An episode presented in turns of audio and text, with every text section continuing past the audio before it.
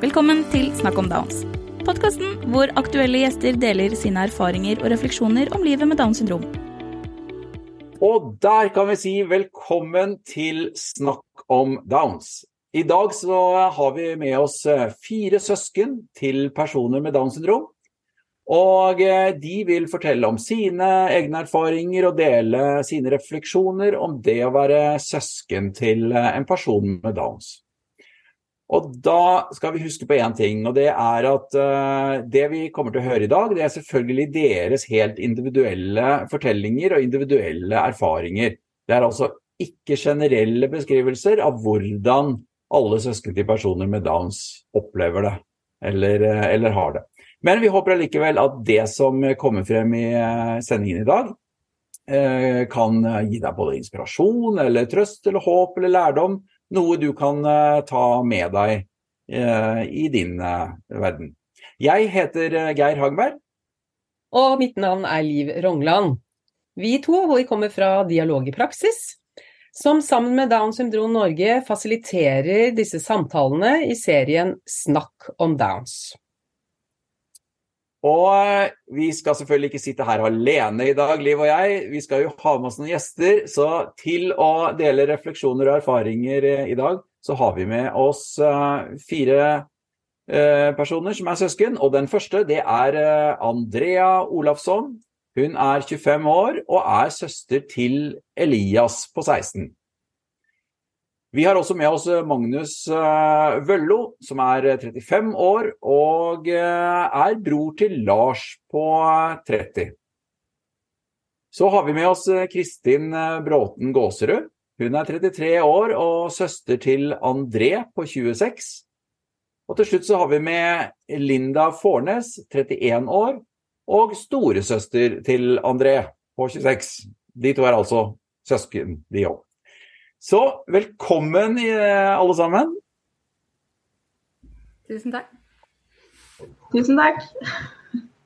Takk, takk. Vi, eh, vi, skal selvfølgelig begynne da eh, med en innsjekksrunde, sånn at de som sitter og ser på får litt mer kjennskap til hvem vi har med oss i dag. Og da vil jeg ta en runde sånn som jeg ser dere på skjermen. Eh, sånn at hver og en av dere får si litt mer om eh, hvem du er, navnet ditt igjen, og hvem du er, og litt eh, kanskje om deg selv og sånn. Og så litt og kort om hvordan du syns livet som søsken til en med Downs syndrom er. Og da vil jeg Da begynner, begynner jeg med Kristin. Ja. Da kan jeg starte. Eh, jeg heter da Kristin. Eh, jeg er altså 29 år og ikke 33 år.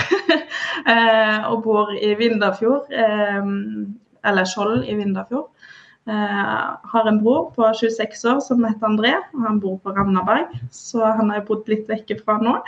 Jeg bor sammen med mann og våre tre barn på syv, seks og ett år. Jeg jobber på et dagtilbud med brukere med nedsatt funksjonsnedsettelse. Eh, og han, eh, min bror, har forma meg til å bli den jeg er den dag i dag.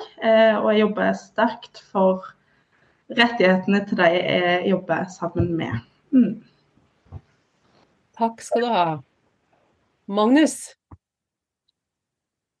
Yes, det er Magnus Ullå. Jeg er 33, tror jeg. Det var litt sånn veising det aldrene. Så da har jeg sikkert fått melding av alle søsknene mine. At uh, de tror jeg innpå meg at det er jeg som er eldst. Men det er ikke. Jeg er nummer to uh, i en uh, søskenflokk. Vi er fem søsken. født og oppvokst i Fredrikstad. og har da en bror som er 30 år, som heter Lars. Som har Downs syndrom. Nå bor jeg i Oslo. er gift og har en sønn som er ett og et halvt år. Eh, og Lars, som er broren min, han bor i Fredrikstad eh, i en leilighet. Han er en arbeidskar som eh, hogger ved og klipper plen og, og står på. Så det har vært selvfølgelig en, en sånn utrolig sentral del av mitt liv å ha en bror som, som er annerledes.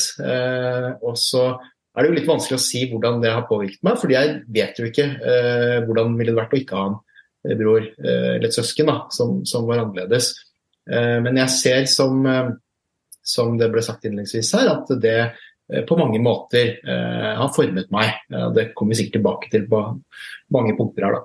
Ja, Det var en liten innledning. Tusen takk. da Andrea. Heia. Eh, jeg heter Andrea. Jeg er 25 år gammel, jeg blir snart 26. Eh, og jeg er fra Båtsfjord, egentlig. Eh, jeg har en lillebror på 16 som heter Elias. Og jeg har egentlig, fordi jeg har bodd borte nå en stund Jeg har vært i Alta nå og har bodd i Honningsvåg i et par år. Så jeg har hatt det litt på distanse, men har vært vitne til hele overgangen fra ungdomsskole til videregående syns jeg har vært litt spesielt. å å se på hvordan det har vært i forhold til eh, når jeg gikk videregående, f.eks. Um, ehm, så har jeg fått med meg en god del. Uh, vi var jo litt nærmere før, når vi bodde på samme plass. Uh, men vi holder mye kontakt. Sender mye snapper, sender mye meldinger. Så vi har, eh, vi har, god kontakt. Jeg får med meg det som skjer i, i dagliglivet, for det om jeg ikke er der, heldigvis. Så han er, han er en stor del av hverdagen uansett hvor jeg er, nesten. Tusen takk. Så er det Linda. Ja, jeg heter Linda. Eh, Storesøster til Kristin, som er nede hjørnet her, og André på 26 år. Jeg er gift og har tre barn. Eh, på ni og syv og tre år. Eh, jeg eh, André er jo min beste venn, har alltid vært det. Og det er jo forskjellige faser i livet, sånn fra barne, barnetida, der du bare er et søsken uten noen bekymringer, til nå voksenlivet, der du må kjempe for de unge voksnes rettigheter. Så det er litt forskjellig da. Mm. Tusen takk til eh, dere alle. Eh, og her har dere sagt en del som vi helt klart skal komme mer tilbake til eh, underveis i samtalen. Som vi nå skal gå i gang med. Da vet vi litt mer alle sammen om hvem vi har med oss. Så takk for det, introduksjonen av dere selv, og hvordan forhold dere har til, til søsknene deres. Og da skjønner jeg, ah, da er det brødre vi kan snakke om i dag, eller bror. For det alle har, det er en bror i dag. eh, på denne sendingen.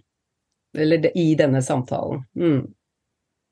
Vi, får, eh, vi, har lyst til å starte litt, eh, litt sånn eh, positivt og godt og, og, med det som gleder. Så vi har jo spørsmål om hva, hva er det som har gitt deg størst glede med broren din som har Downs syndrom, som du har vokst opp med? Hva, og, og, Du kan gjerne dele et eller annet øyeblikk du husker som har, som har vært fint. så hva har gitt deg eh, i hvert fall stor glede, om du ikke klarer å rangere til størst? Og da er det fritt. Hvem har lyst til å starte? Hvem har lyst til å fortelle? Jeg kan starte, jeg. Jeg, ja. eh, jeg har en eh, bror som jeg har med meg hver sommer på tur. Eh, der vi planlegger turen sammen, for han er veldig strukturert. Så vi har Eh, med kart og tunneler og steder vi skal besøke. Og så er det alltid et lite overraskelsesmoment inni denne turen som man ikke vet om. Og det å plutselig skal reise på Kaptein Sabeltann-show på kvelden, det er den største gleden. Så det gjør meg ekstra med, fordi de føles så ekte. Og det er så, det er så fantastisk på alle følelser. Det er ikke noe innimellom der. Du vet nøyaktig hva de tenker og hva de vil. Så det, det syns jeg er helt fantastisk.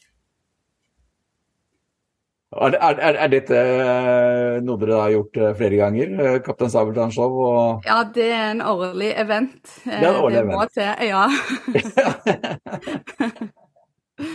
det gleder meg altså godt, da. Og så må jeg bare bryte inn der, fordi som søster nummer to her, så er altså Linda hun er favorittsøstera. Eh, så her er det veldig sånn forskjell. Og jeg kan ikke få lov til å være med og planlegge sånn en tur, for det er det Linda som har ansvar for. Så han er veldig Veldig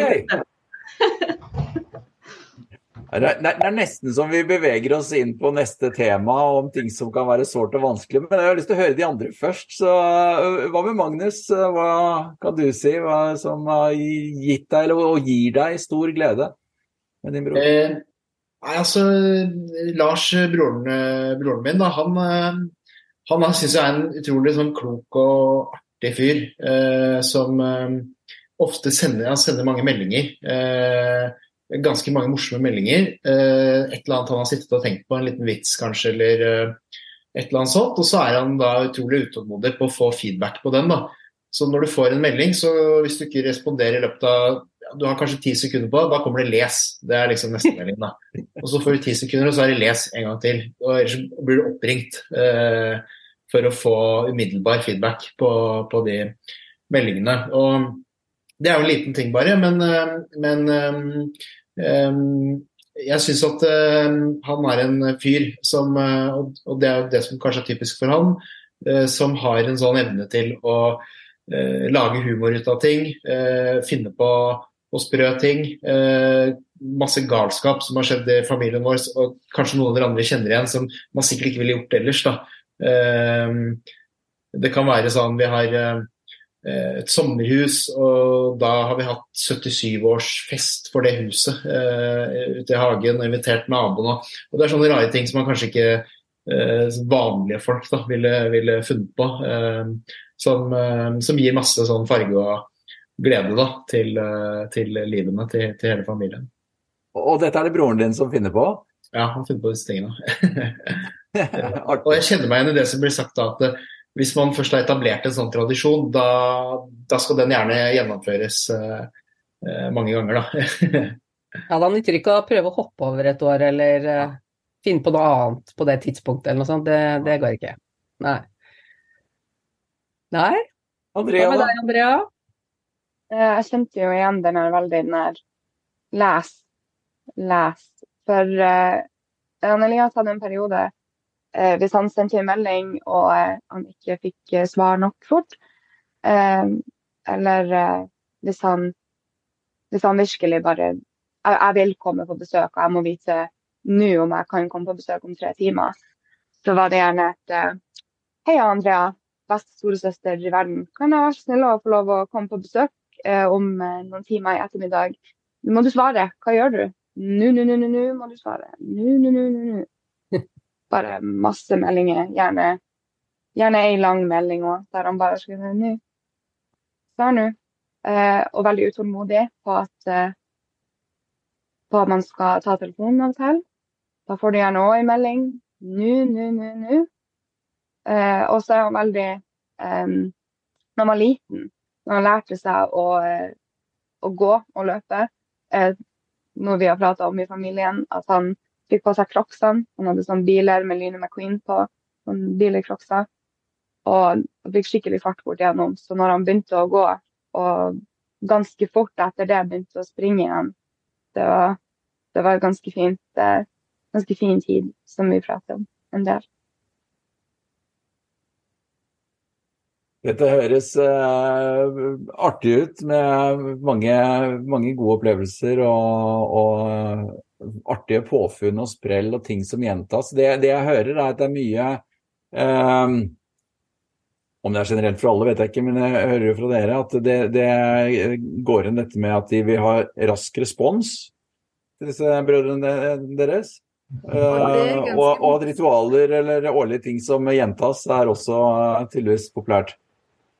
Det er jo utrolig, Jeg har egentlig sympati for det, for det er utrolig irriterende med folk som ikke svarer på meldinger. Uh, har, jeg kan jo ha lyst til å kjøre den metoden, men så er det liksom litt noen konvensjoner om at man ikke burde gjøre det. da, men, eh, men eh, jeg har litt forståelse for det. Det er irriterende når man ikke får svar raskt på meldinger. Jeg hadde en veldig fin en Jeg jobber jo fast hver fjerde helg i bolig. Eh, og da sendte han meg en melding om, eh, om jeg husker hvilken type telefon jeg hadde eh, i 2012. Hvilken type iPhone. Beklager, men jeg er på jobb, jeg kan ikke svare akkurat nå. Ja, men han måtte ha svar nå, han måtte vite hvilken type. Og han stoppa ikke, vet du. Eh, til slutt så eh, roa han seg med meldingene, og så ringte han når jeg var ferdig å jobbe helg, da, heldigvis. Så da fikk vi svar på hvilken type telefon jeg hadde. så for han så er det veldig viktig, og viktig for å få det svaret, faktisk. Ja. Det er veldig viktig det er veldig fint også eh, å føle at man, at man er såpass eh, viktig for noen at de, de skal ha meninga di, og de skal gjerne ha den. Den har ganske mye å si for dem. og hvordan de kanskje tenker på saken sjøl etter hvert. Eh, at man føler seg som en stor del av, av noen sine tanker generelt. Det er en veldig fin ting. Riktig. Men dette her, jeg tenker, kan dette uh, føre til gnisninger og problemer òg? Det er vel ikke alltid at dere eller har tid til å svare raskt, eller at uh, kanskje nesten har lyst, eller har, har, har, det sånne ting også ført til, uh, om ikke krangling, så til gnisninger? Både ja Nei, men eh, sånn som eh, min bror, da, André, han, han, kan nok holde på litt intensivt akkurat der og da, men neste dag så er det kanskje glemt, og så tar han opp tråden igjen kanskje en måned etterpå. Det varierer det, hvor godt han vil ha det svaret, egentlig. Eh, men jeg har jo mest telefonkontakt med han siden jeg bor to timer unna. Eh, så for meg så blir det jo gjennom meldinger eller telefon. Eh, så det kan jo bli litt mye til tider, men han forstår jo at han må vente på et svar. Om det tar til neste dag eller eh, Han takler det veldig fint, syns jeg. Mm. Han er veldig utålmodig eh, eh, når han skal ha svar. Ja. Prøver du å ringe han, så får du ikke tak i han. For det passer ikke hans kalender, for han ser på noe eller skal høre ferdig en sang, og så ringer han tilbake når det passer han. Så det går ikke begge veier. Du får ikke svar når du skal lure på noe. OK, så der verden må tilpasse seg hans eh, agenda? Altså. ja. Eh, hvis jeg inviterer bursdag, som jeg må gjøre, for jeg må jo planlegge litt. Eh, og jeg velger på lørdager, for da er det lettere med tanke på ferjer og sånne ting med familie. Og det passer veldig dårlig, for da er han på besøk hos farmor hver lørdag. Så da må farmor òg bli invitert. For eh, hvis ikke hun blir invitert, da kommer han ikke. For han skal på besøk til farmor. Så det Han vet hva han vil. Kan, kan, dere huske hvordan dette var eh, da dere var eh, mindre? Altså eh, da dere var, da det var barn, på en måte? Det, var det noe mer um, følelser rundt at, noen, at han, han, han kanskje fikk mer eller forfordelt, eller alltid det han ville, eller altså Hvordan, hvordan var den, det forholdet der annerledes da dere var barn? Jeg kan huske at jeg syns det var eh, på en måte eh, noen ganger litt sånn eh, Det kan bli mye styr og mye, sånn, mye styr ut av ting. da, Når man skulle gjøre ting, så var det sånn styrete. og eh, Det ble liksom masse sånne hendelser og ting som skjedde som, eh, som liksom forstyrret det, hadde, det, man hadde tenkt at man skulle gjøre. Eh, på en eller annen måte. da. kanskje jeg hadde sett for meg at vi kunne gå til eh, lekebutikken eller et eller annet sånt, og så plutselig hadde Lars stukket av, så måtte vi bruke masse tid på å finne ham. Det kunne skje masse sånne ting. Men, eh, men det, er ikke veldig, det er ikke noe sånn sterk følelse, egentlig. Eh, og jeg er litt usikker på om det egentlig har noe med å gjøre med, eh, med at han var annerledes og hadde mor og sånn, eller om det bare er sånn generelt at det er irriterende å ha yngre søsken. Eh, for jeg har også vært irritert på de Eh, min som er yngre, som, eh, med litt sånn samme begrunnelse. Da. Så, så jeg er ikke helt sikker på om det hører til på en måte Downs syndrom. Da. Mm.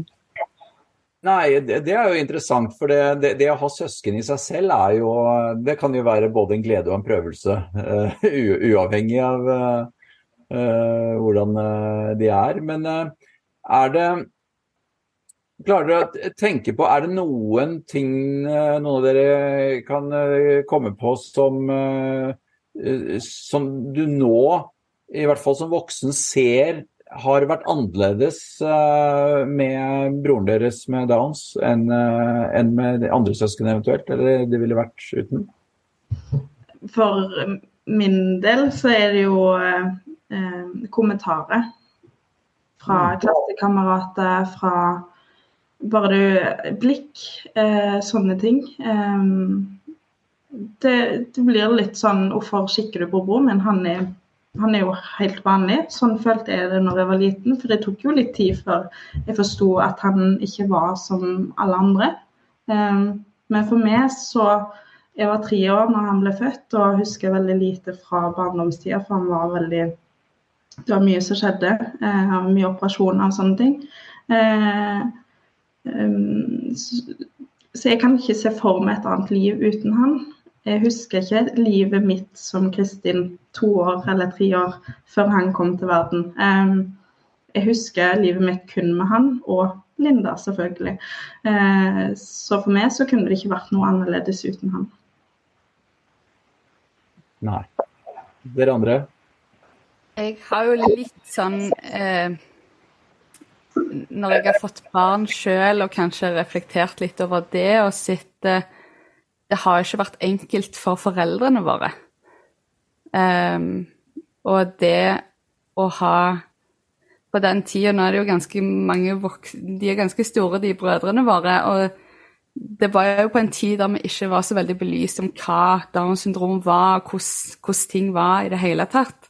Så det har jo vært veldig vanskelig for foreldrene våre oppi dette her, og det har jo kanskje gått litt på bekostning av oss med at eh, de har fått avlastning og kanskje har trengt en plass der de bare kan puste litt innimellom slagene, da. Som har kanskje vært litt sånn at da, da trenger de en litt sånn barnefri helg, eller komme seg litt vekk og bare være voksne. Og det har det, ikke vært, eh, det har det ikke vært mye rom for, altså? Nei, det, det, har jo vært mye. Vi har jo hatt en bror som har vært veldig mye syk i oppveksten, så det var nok veldig viktig for våre foreldre å få et lite pusterom, da. Mm. Eh, og det jeg nok Nå var jeg jo jeg eldst, og det merker nok kanskje jeg litt mer i, i større grad enn kanskje Kristin forhåpentligvis gjorde. Eh, for det blir jo litt forskjell. Det gjør det jeg kjente jo veldig på det at når han var på avlastning, så var det godt for meg, for da kunne jeg være Kristin uten å være den store søstera. Og han har aldri vært noe byrde eller noe sånt, det har han ikke. Men eh, for min del så var den avlastningen god fordi at da ble jeg sett og hørt. Eh, eh, for det er jo sånn når du har et søsken med andre behov enn det en har sjøl, så krever de mer enn det kanskje jeg har krevd. Eh, så jeg har satt veldig pris på de avlastningstidene, men har satt veldig pris på når jeg kommer tilbake igjen. Mm. Mm. Men der er vi jo du, eh, Andrea, hva husker du tilbake? Eh, jeg var ti år gammel når Elias ble født, og søstera mi var 16 eller 17. Så vi har jo ganske mange år mellom oss alle sammen. Så jeg husker jo eh, litt av livet før han og, og livet etter han. Eh, han eh, Det var jo litt sånn Det var jo veldig nytt. Vi hadde jo egentlig ikke hørt så veldig mye om Downs syndrom, eller i hvert fall jeg hadde ikke det. Eh, vi er fra en plass som der er kanskje 2000-3000. Jeg er ikke helt sikker på hvor mange som bor der nå. Eh, men det var, det var, ingen andre med Downs. Det var én, og han var voksen. Sant? Så vi hadde liksom ingen i nær relasjon på en stund. Og så husker jeg at det flytta ei eh, til Båtsfjord. Hun var fra Chicago, tror jeg. Og hun hadde en sønn med Downs. Så vi jo Vi fikk jo sett litt der, da. Han var litt eldre enn Andreas. Eh, så vi fikk jo hun Mamma fikk jo prata litt med henne og liksom hva man kunne forvente seg, tror jeg. Eller hvordan utviklinga har gått, og litt sånn forskjellig. Um, det har jo kommet uh, et to, to, tror etter Elias, som har blitt født med Downs i Båtsfjord. Uh, og det er, det er såpass lite befolkning der oppe at jeg tror det blir litt sånn uh, vanskelig for barn som kanskje ikke har hatt med det å gjøre før. Nå hadde nå mora mi jobba en del på PU-bolig eh, og hadde mye erfaring med, med folk med downs og, og, andre ting også. Så jeg tror hun var litt forberedt sånn sett, kanskje. Men eh, som mor en, på en så liten plass, eh, så må det nok kanskje være litt vanskelig. Ja. Mm. Som Linn sier, at det var nok sikkert godt å når han, de har avlastningshelg. Jeg får enda melding. Bare sånn du vet det, så har vi avlastningshelg nå. Så da vet jeg at jeg, jeg får ikke lov å ringe på lørdag. Mm. Mm. Eh, Kristin, du, du, sa noe i sted om at uh, altså, du, du, husker jo ikke um, noe uh, fra liksom før André kom. Så mm. det har alltid, alltid, vært der. Og, og, du sa at du tenkte ikke på at han uh, var noe annerledes, men så så du blikk fra, fra folk, hvis jeg forstår det rett. Ja. Hvordan er det med dere andre? Når, når, uh, hvor gamle var dere når dere begynte å oppfatte at broren deres var annerledes enn andre, og begynte dere å legge merke til at eventuelt, hvis dere har gjort det, miljøet rundt reagerte annerledes på han enn eh, på f.eks. dere? Jeg fikk jo en kommentar fra en klassekamerat en gang rett etter han var blitt født. Eh, det har heldigvis ikke vært sånn utrolig mye av det. Jeg tror at det, Jeg har nok blitt kanskje berga litt for sånt. Vi har jo hatt noen som har lagt ut noe på nett. Og det ble jo ikke reagert så veldig bra på. Um, naturligvis. Så vi har jo møtt på litt. Uh, jeg tror rett og slett fordi at det er såpass lite, og man, man bor så nært hverandre, og man, alle ser hverandre hver dag, at han gled ganske fort inn i sant, at han, han, kjente alle. Han kjenner jo alle nå, han sier jo hei til alle sammen. og han er jo veldig en del av, av Båtsfjord. Eh, så det er litt sånn eh, Jeg ser egentlig ikke noe sånn tid der jeg la ordentlig merke til at oi, han er veldig forskjellig fordi at jeg var såpass gammel òg når når han ble født, at jeg har egentlig bestandig visst det, og alle har egentlig fått det med seg eh, fordi at det er så tett. Så jeg tror det var en ganske, for, for, min del, eller sånn sett, at det var litt sånn lettere. Jeg tror ikke jeg har opplevd veldig sånn offentlig veldig stygge blikk eller noe sånt. Nei. Men hvordan er det for deg da, Magnus? Eh, hvordan har det vært for deg?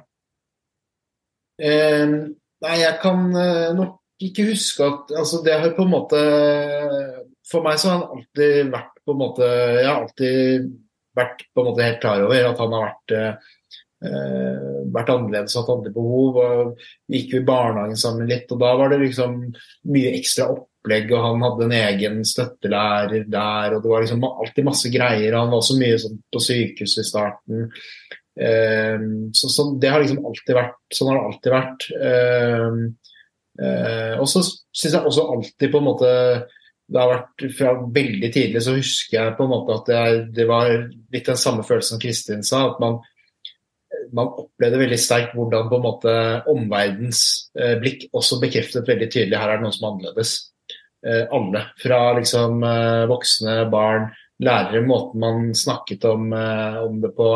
Eh, blikk, hvordan man tilnærmet seg. Sikkert masse god, med god mening òg, men, men, men, den liksom annerledesheten den syns jeg eh, alltid ble forsterket hele tiden eh, av omverdenen. Og, og, hvordan opplevdes det for, uh, for, dere? Spørsmålet går til alle, egentlig. Hvor uh, merker uh, at verden ser annerledes på broren deres enn dere kanskje har gjort selv? Jeg tror at folk har en veldig positiv oppfatning av folk med Downs syndrom. og det er jo veldig bra. de er jo positive, og de er jo glade, og de har så mye kjærlighet å gi. Um, men uh, hver gang noen kommer opp til meg så, og jeg er hjemme, og jeg ikke har vært hjemme på en stund, så er det som regel at jeg møter lillebroren din. Herregud, for, herregud, for en fyr. Det er ikke sånn at han kommer opp til meg og bare 'Herregud, Malin, altså'. For herregud. Det er liksom Det er veldig forskjellig sanse. At det, det er bare positivitet og, og solstråler, og han er så gøy. Og han er, han er så snill, og han er så hyggelig. Så han blir jo snakka om på en annerledes måte enn det andre blir, føler jeg. Hmm. Så dere har ikke opplevd å måtte stå Ja. Tar du? Jeg, hadde du noen erfaringer? Jeg begynte på et spørsmål. Men eh, Linda, har du noen lignende erfaringer? Uh, uh, ja, vi har jo Når han gikk på videregående, så ble jo de hengt ut på TikTok. Uh, og det Den slo meg litt hardt, for jeg føler ikke vi har fått så mye sånn urettferdighet før det, men det der sosiale medier syns jeg er vanskelig. For det er jo ikke til å legge under en stol at spesielt videregående så samler de de klasser. og så blir de på en måte isolert fra det normale av resten av skolen. Uh, og det kan ha en litt negativ effekt, for jeg tror at vi må få de mer inn i samfunnet, vår daglige liksom vi treffer, At vi treffer på dem, at de blir dytta vekk en annen plass, da, som vi ikke For det, det, føler jeg litt, at det, de blir satt i klasser eh, på skolene, og så egne bygg kanskje, for å isolere de enda mer fra de andre klassene. For det kan være en belastning, og det skjønner jeg jo at det er jo Det kan være litt vanskelig der, men eh, Men det tror jeg er litt sånn Den jeg kjenner på sånn urettferdighet, at det er Jeg tror folk ikke vet helt hva det er, egentlig. For de blir satt vekk. Det var jo, det var jo Instagram som var plattformen det ble lagt ut på av, av Elias. Så eh, sosiale medier har jo definitivt ja, gjort det litt vanskeligere. Og jeg vet folk som tar eh, bilder av offentlige personer med downs og, og legger ut og he, sånn der, da kjenner jeg at det, det plager meg veldig. Sånn som folk fra Tangerudbakken, at de legger ut bilder av dem og lager en eller annen joke. Jeg bruker jeg kjenner jeg tar meg egentlig litt nært av det. Eh, selv om det ikke er min lillebror, så tror jeg det, det treffer jo litt fordi at fordi sosiale medier. Så det, det, det, treffer deg, han har sagt indirekte Eller det treffer deg direkte, men selv om det indirekte er andre, eh, kanskje til og med personer med Downs du ikke kjenner det gjøres narr av, så blir ja, det allikevel et slag mot, eh, mot uh, deg og din bror? Ja, det føles litt sånn for at for, Kanskje også igjen fordi at det er en så liten plass. Um, det er jo mange faktorer som, som, spiller inn der. Men jeg tror fordi at det er en så liten plass, så vet jeg jo at Folk vet jo det. De vet jo at vi har en at jeg og søstera mi har en lillebror med Downs, og så har de oss på denne lista en plass. Og så legger de ut noe teit og refererer til, til, Downs på en eller annen måte, og skal få det til å være eh, det som veier tungt i det de sier. Og da blir det litt sånn usmakelig, nesten. Eh, ikke fordi at folk ikke får lov å ha meninger, men fordi at folk formulerer seg på en rar måte av og til. Og det er ikke alt man trenger å trykke 'publisert' på. Noen ting kan du legge i utboksen. Mm. har, dere, har dere, noen gang opplevd å måtte forsvare, altså stå opp for å forsvare broren deres uh, i uh, noen sosiale sammenhenger eller uh, i offentligheten eller sånn kjempe for noe? Har dere gjort det? Holder jo med på eh, med min, vår bror, da, at eh, han har jo blitt lovt bolig siden han var 18 år. Eh, nå er han 26 og bor fortsatt hjemme. Eh, så vi har en kampsak der da for å få det på plass. Eh, og det har vært litt vanskelig, for han er jo født inn i den kommunen og vokst inn i kommunen, så det kommer ikke sånn med lyn fra klar himmel at nå, 18 år etterpå, så skal han ha bolig. Det, det vet de om. Så det, det syns jeg er veldig vanskelig at de ikke får rett på å starte det voksenlivet de har krav på. Mm. Ja. Jeg har også brukt masse eh, i mange år eh, holdt på med ulike sånne saker og prøvd å eh, også faktisk eh, denne uken så har det vært eh, sånn nytt budsjett i den kommunen som broren min bor i. Og det ene er at det er sånn, man blir så utrolig resignert av å prøve også hele tiden kjempe og tigge for å få et sånt minstemål av rettigheter. Da.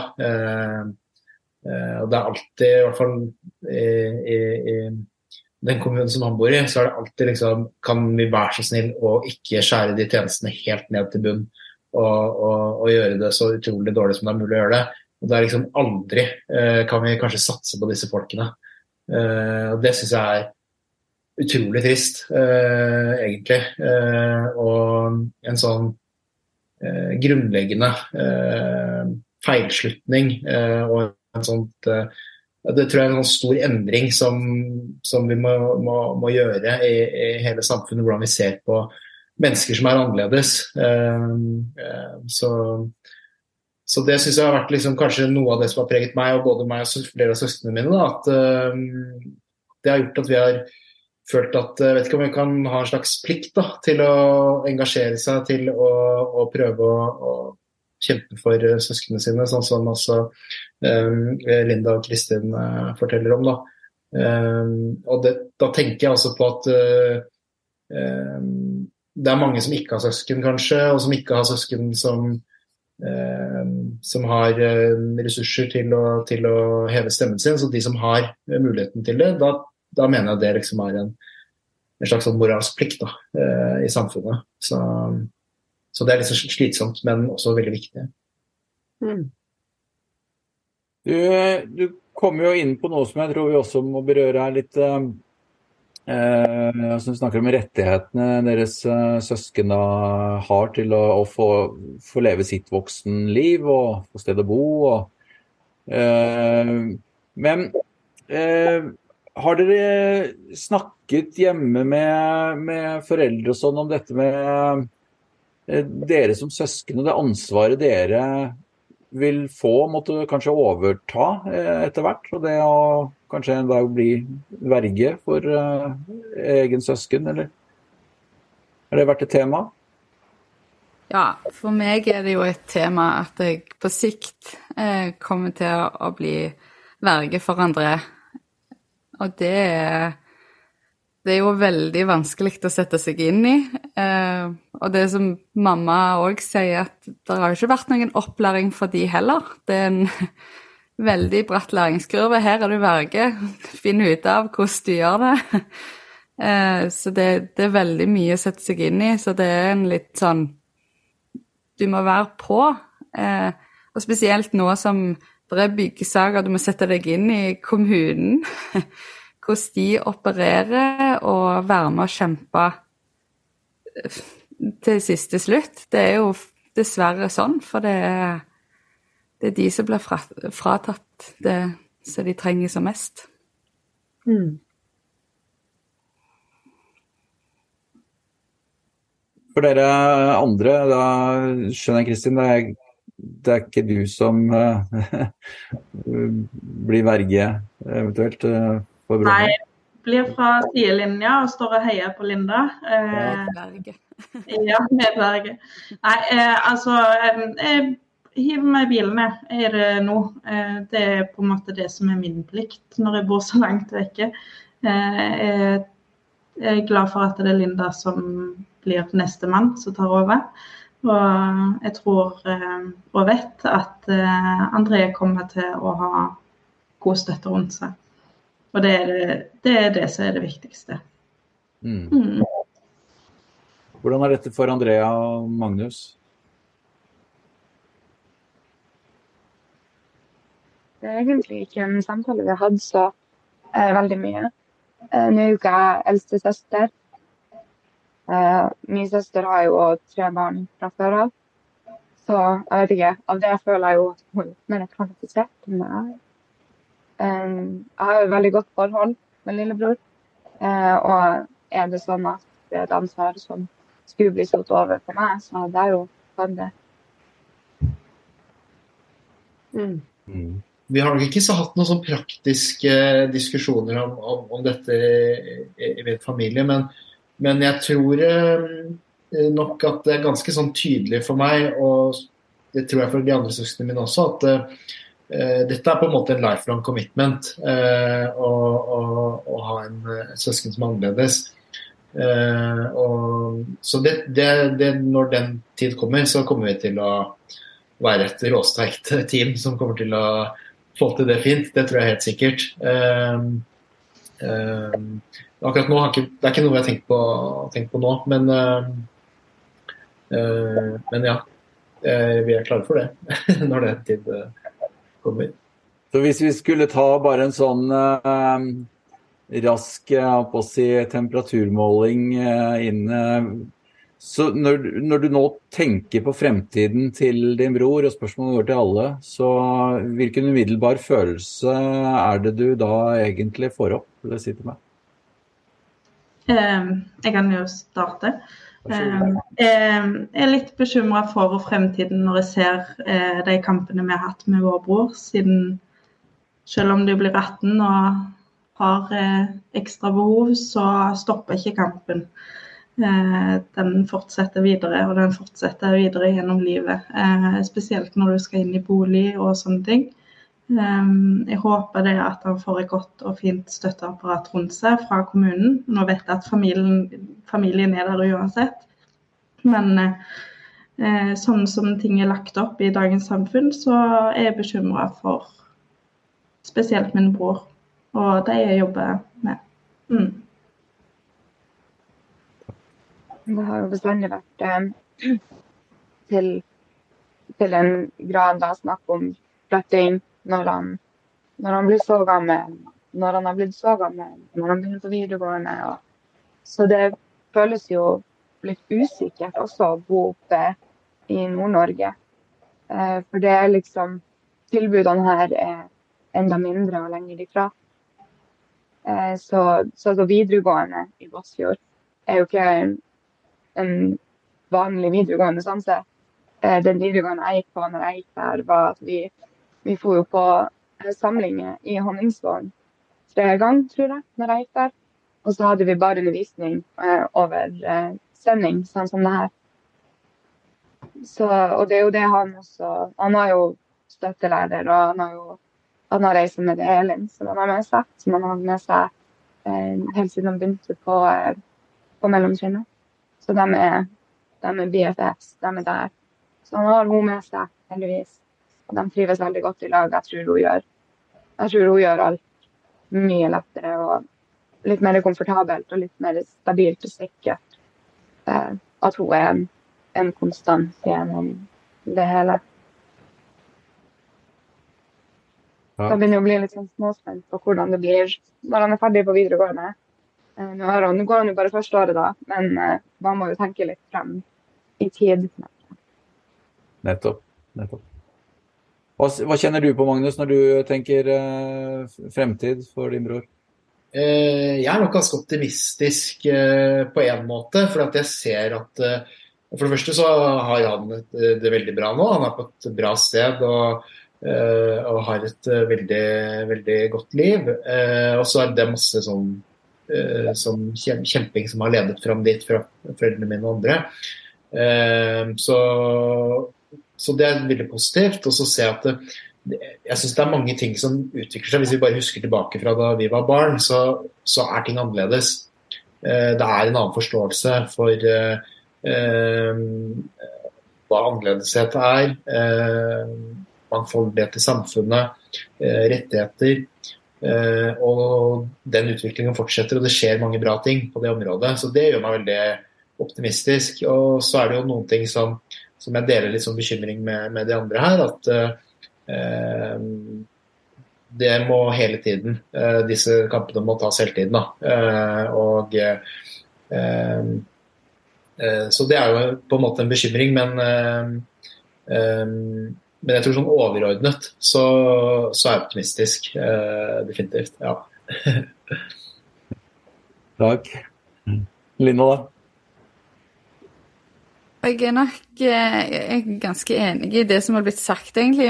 Altså, jeg, jeg er jo optimistisk for framtida, for jeg tror at det er et generasjonsskifte her òg som kan dra denne fakkelen videre og snakke høyere opp om disse rettighetene, da. Så jeg tror jeg tror vi blir hørt mer og mer.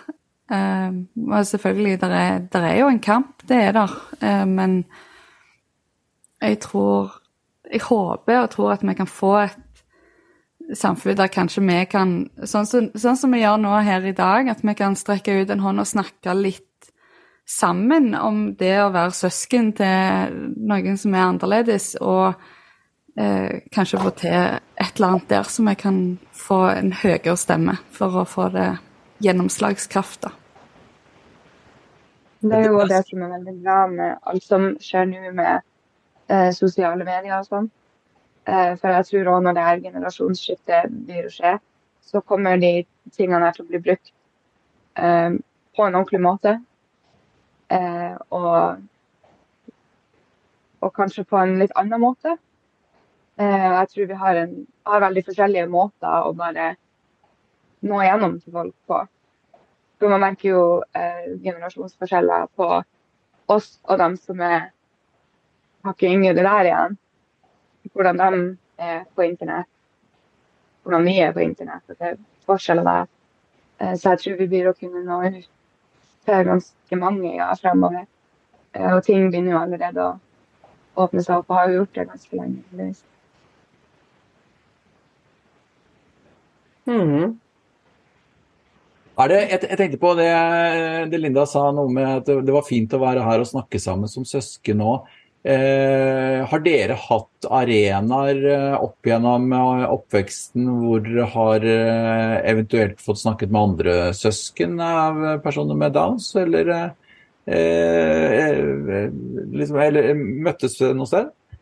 Eller er det fraværende? Jeg husker veldig godt at vi var på mye sånn juletrefest i Ups and Downs, eh, som, som, fantes da i, i, i Østfold. Eh, og da traff jeg mange søsken. Og jeg tror ikke det var det at vi snakket så veldig mye om hvordan er det å være søsken og sånt, men jeg likte veldig godt. Og noe av det var jo litt sånn at man føler Det føler jeg litt også at vi som sitter her sammen nå, at vi har noe felles. Eh, så vi, kunne, vi har liksom et eller annet, en felles referanse. da. Eh, og at i den sammenhengen der på de juletrefestene f.eks., eller om vi var på noe badeland eller hva det var, da, så kan man liksom senke skuldrene litt, og så har alle til felles det at vi har et søsken som er litt annerledes, og kanskje de gjør noe greier som er litt pinlig og sånt. da, Men, da kan man legge det liksom litt bort. Eh, så det syns jeg var super, eh, superflott.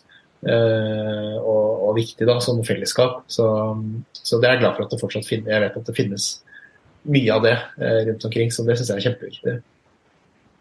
Ja, har dere andre også vært i nærheten av jo veldig fint ut. Uh, ja, siden vi vokste opp på en så liten plass, så har vi egentlig ikke møtt noen eh, søsken med Downs som har vært på eh, vår alder. Eh, men jeg husker en sommer at vi skulle egentlig på noe, på noe i Lofoten en plass. Der tror jeg de pleier å ha noe, noe som heter Marihøna. Eh, og eh, vi skulle dit, men det var, jeg tror det var han sjøl som ble dødssyk på turen og oppkast og veldig trivelige greier. Så vi snudde og kjørte tilbake. Så det ble liksom ikke noe av det. Eh, Nå har jeg jo ei venninne eh, som har et barn med Downs, da. Og som da er en av venninna også betante til den ungen. Så vi har liksom litt flere folk å Eller jeg har i hvert fall litt flere å, å relatere til og prate med nå enn å ha det. Jeg hadde jo treff eh, i Kristiansand. Der hadde de leid en hel buss fra Stavanger til Kristiansand. og Det husker jeg kjempegodt. Da vi søsknene fikk lov til å synge eller fortelle en vits i mikrofonen hele bussturen hjem til foreldrenes store fortvilelse. og det var, det var, helt fantastisk. Og vi har hatt noen treff opp igjennom eh, oppveksten, men jeg tror eh, det som kanskje har vært savna, er kanskje i den der ungdoms-voksen-fasen. Eh, for det er kanskje da man trenger kanskje å snakke litt mer. For eh, den barnefasen, da var det jo bare lek. Der leker du og har det kjempefint eh, uansett, egentlig. Eh, det var en veldig fin opplevelse, de treffene vi har hatt. Men jeg skulle nok ønske jeg kanskje hatt noen, eh, noe mer treff i den der ungdom-voksen-tida. Hva hadde det gjort for deg om, eh, om, om, du var noen treff da i den tiden der, i tenåringsårene, som kanskje er vanskelig nok som de er? Ja, jeg, eh, nå har jeg vært veldig tett på André og sett Jeg har vært litt frustrert på den der eh, Å være med i den rollen i forhold til å kunne si litt min mening, hvordan det ser ut for min skole. Hvis du tenker på skole, da, så blir det jo tatt ut av klassene. Eh, det syns jeg var vanskelig. Han, han, visste nøyaktig hvem alle personene i klassebildet var, men han var jo aldri inne i klassen. Han eh, Det å kunne snakke For du merker jo en Du føler jo sjøl en urettferdighet, og det å kunne liksom At det er andre òg som kanskje har den samme urettferdigheten, og snakke om det, da.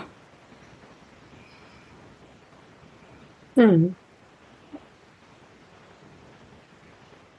Vi skal begynne å tenke litt på å avrunde dette, men jeg eh, kunne tenke meg å høre litt eh, fra alle. Hva, hva er eh, noe av det viktigste det, du, du syns du har lært? Hvis du tenker sånn, hva har jeg lært av, av broren min som jeg kanskje ikke hadde lært av en, en, en annen bror, eller en, en, som var mer normal, eller en, som ikke hadde dans? Så hva, du, hva, er det viktigste du har lært? Er det det vanskelige spørsmålet, Liv? Hvordan har det formet deg? Det det? Ja.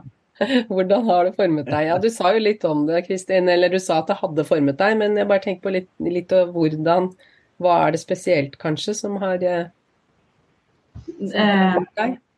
For min del så er det jo eh, bare den lille gleden han har for en så liten ting, så kanskje ikke Eh, jeg hadde vært så like glad hvis det hadde vært til meg. Eh, de følelsene han viser for alt og alle. Han er oppriktig glad i det, uansett om det har gått ett minutt eller om det har gått flere dager. Eh, ja, jeg Han har lært meg utrolig mye. Han har vist meg den veien Eh, er ikke ferdig langs denne veien eh, uansett, men eh, han har forma den veien for å bli den er den dag i dag. Og ja, han er min veileder på ting, faktisk. ja, jeg vet ikke mer hva jeg skal si, egentlig. Jeg er veldig heldig som har en bror sånn som han, og jeg kunne ikke vært foruten han uansett. Mm. mm. Takk. Jeg tror Annelias Anne-Elias har egentlig lært meg veldig mye at eh, det spiller egentlig ikke noen rolle hva Altså om, om, du har hatt en dårlig dag, eller du føler at du har prestert dårlig, eller noe sånt, så er ikke egentlig det så nøye. Fordi at jeg er glad i deg uansett. Mm, kompis. Uansett hvordan du føler at du har vært, om du føler at du har vært eh, ikke ditt beste den dagen, så har ikke egentlig det noe å si. Du har bestandig folk rundt deg som er glad i deg. Mm. Og så har han vært veldig flink, og eh, nå det siste året har jeg tenkt mye over det, faktisk. At han har, han har gjort mye sånn at jeg tenker Jeg sier ifra til folk hvis jeg liksom kaster dem på en stund, og, og jeg tenker på dem. Eh, det har jeg egentlig ikke vært så flink til før. Men når jeg kom hjem i fjor sommer, tror jeg, så hadde han eh, samla opp en sånn stor sånn A3-konvolutt som han hadde fått fra jeg tror fra kontoret til mamma. Eh, og eh, bare putta masse små lapper og brev oppi der, og tegninger og dikt og sånt, som han har som han ga til meg og sa at han har tenkt på meg sånn, eller har lyst til å sende meg et brev i posten, i stedet for å gjøre det, så han samla alle opp der, sånn at jeg kunne lese dem nå istedenfor. Alle sammen. Les dem nå.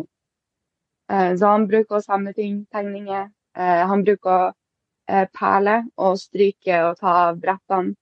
Sånne små brett som jeg bruker under glassene og koppene mine, så jeg ikke skal få merker på bordet. Så han lager meg bordbrikker. De sender dem til meg. Det tror jeg tok opp med han for to-tre år siden, at de likte å bruke som bordbrikker. At de kunne lage et par til til meg. Jeg tror kanskje jeg har 12-14 sånne nå. Så han har, han har bestandig den der bak hodet. Og det har han egentlig lært meg at det, for sånne små ting man tenker på folk, det har veldig mye å si. Mm. Takk. Dere andre? jeg har jo, som jeg sa innledningsvis, en sånn ganske klok bror, mener jeg selv, da, som eh, eh, han sier Han har mange sånne slags livsvisdomsord uh, som han sier.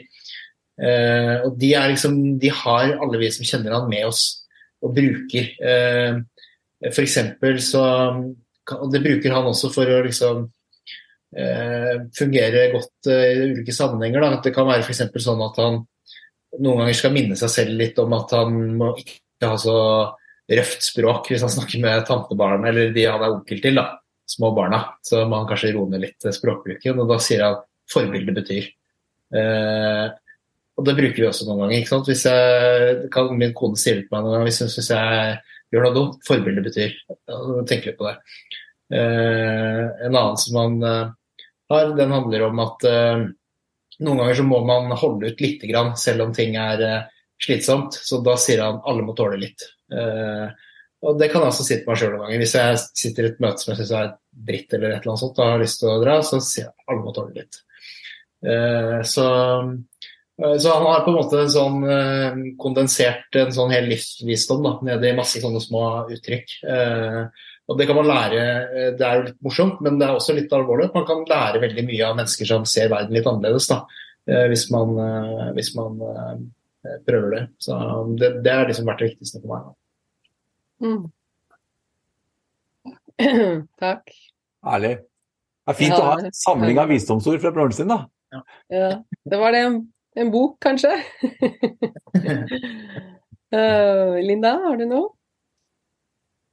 Uh, ja, uh, han har jo lært oss veldig at det å være annerledes er ikke Det, er, det kan være en styrke. Eh, og jeg har vel lært eh, nå som jeg er blitt mamma sjøl, at det, du tar ikke alt for gitt på samme måten. Så du, du, forventer kanskje et friskt barn, men for meg, når jeg vokste opp, så forventa jo jeg å få et barn med Downs syndrom. Det var liksom min normalitet. Eh, så det å se et, eh, et friskt barn lære seg å gå i, rett før ettårsalderen, eller å spise For vi har jo en bror med spisevegring. Um, så du tar Setter sånn glede i ganske mye, da, og er utrolig stolt over det han har fått til, mot alle odds. Så det er ekstremt stolt. Mm. Tusen takk. Det var eh, mange gode, gode læringer, eller hva skal jeg si, eh, visdomsord og, og gode gaver eh, som man kanskje ikke setter eller normalt ikke ville ha satt spesielt uh, pris på, og så ser man hvor glad han blir, eller det blir med få litt, få litt Kanskje beminne seg selv på at man skal ta disse gylne øyeblikkene med seg i større grad, da. Så det, nei, tusen takk. Det har vært veldig lærerikt å høre på, høre på dere. Eh, vi skal avslutte med noe vi kaller utsjekk. Eh, og da har jeg lyst til å spørre dere hva er det dere vil si som et godt råd til nybakte søsken? kan du tenke at de er veldig, veldig små, men rett og slett til søsken som hører på, da, som uh, av deres personlige erfaring. Hva vil dere si som et sånn avsluttende ord for kvelden? Være litt tålmodig. Ja, begynner med deg da, Andrea. Ja, tålmodig. Kan du komme litt nærmere inn mikrofonen? Det var vanskelig å høre deg nå. Sånn, kanskje. Ja.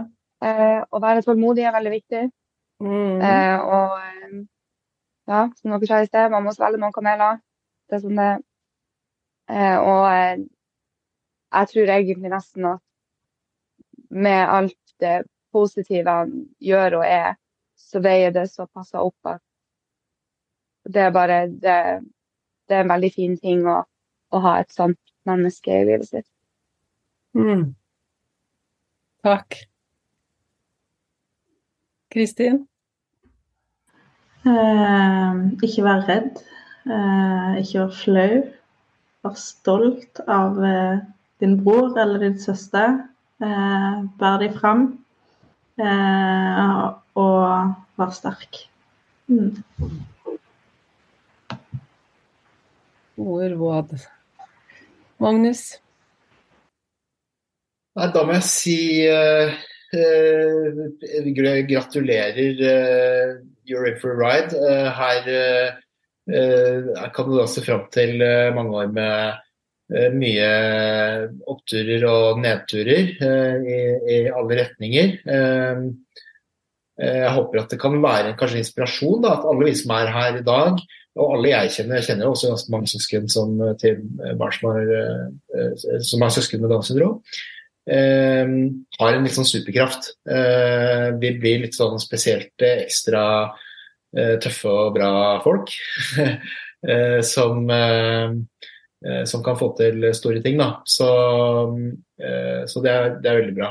og så må man som med være forberedt på masse bråk og krangling og slåssing og sånt. Men, men det blir bra. Mm. Takk. Og så til Linda. Eh, da vil jeg si gratulerer, du har fått vinnerloddet. For du eh, Det vil hjelpe deg med å lære ganske mye om deg sjøl og andre mennesker, og ha sympati og empati for andre mennesker. Eh, og dine fremtidige barn, eller barn som du har, eller de rundt deg, vil lære ekstremt mye av å ha en med Downs syndrom i livet sitt. Og så håper jeg at vi kan få til et forum der bare alle kan møtes og snakke sammen og le sammen og alt. Ha det gøy. Kanskje det siste der skal være en bestilling til uh, Downs syndrom Norge om at uh, et, uh, å etablere noen form for søskenforum hadde vært fint. Mm, ikke nikkes overalt. Ja. Den får gå til, til rette personer som kan gjøre noe med det. Da skal vi rett og slett avslutte her i dag. Vi sier tusen, tusen takk til Andrea og til Linda, Kristin og til Magnus for alt dere har delt med oss og, og gitt av spredt av glede over det å være søsken til en person med Down som vi skjønner at da har man fått vinnerloddet. Da, da you're in it for a ride. Det er mye å lære, det er mye glede. Og selvfølgelig så har det alle de tingene i seg som det har med å ha søsken også. Var det en slags oppsummering? Så tusen takk til dere alle sammen. Dette her altså, til dere som hører på, dette var siste samtalen i serien Snakk om Downs, i hvert fall nå i 2023. Du vil finne hele serien på nettsidene til Downs syndrom Norge og tror jeg på YouTube-kanalen. Og den blir liggende også ute som podkast eh, via nettsidene til Downs syndrom Norge. Det er downsyndrom.no. Så eh, da sier vi tusen takk for i dag. Og eh, på gjensyn. Jeg håper dere får treffe hverandre igjen sammen med mange andre søsken. Takk til våre deltakere som åpent og ærlig har delt sine erfaringer og synspunkter om dagens tema. Programledere var Liv Rongland og Geir Hagberg fra Dialog i praksis. Vår produsent er Frida Victoria Markussen. Grafikken er laget av Ingrid Bronken Hauge. Idé og søknad er utarbeidet av Ingrid Marvin i Down syndrom Norge, og prosjektet er gjort mulig med støtte fra Stiftelsen DAM.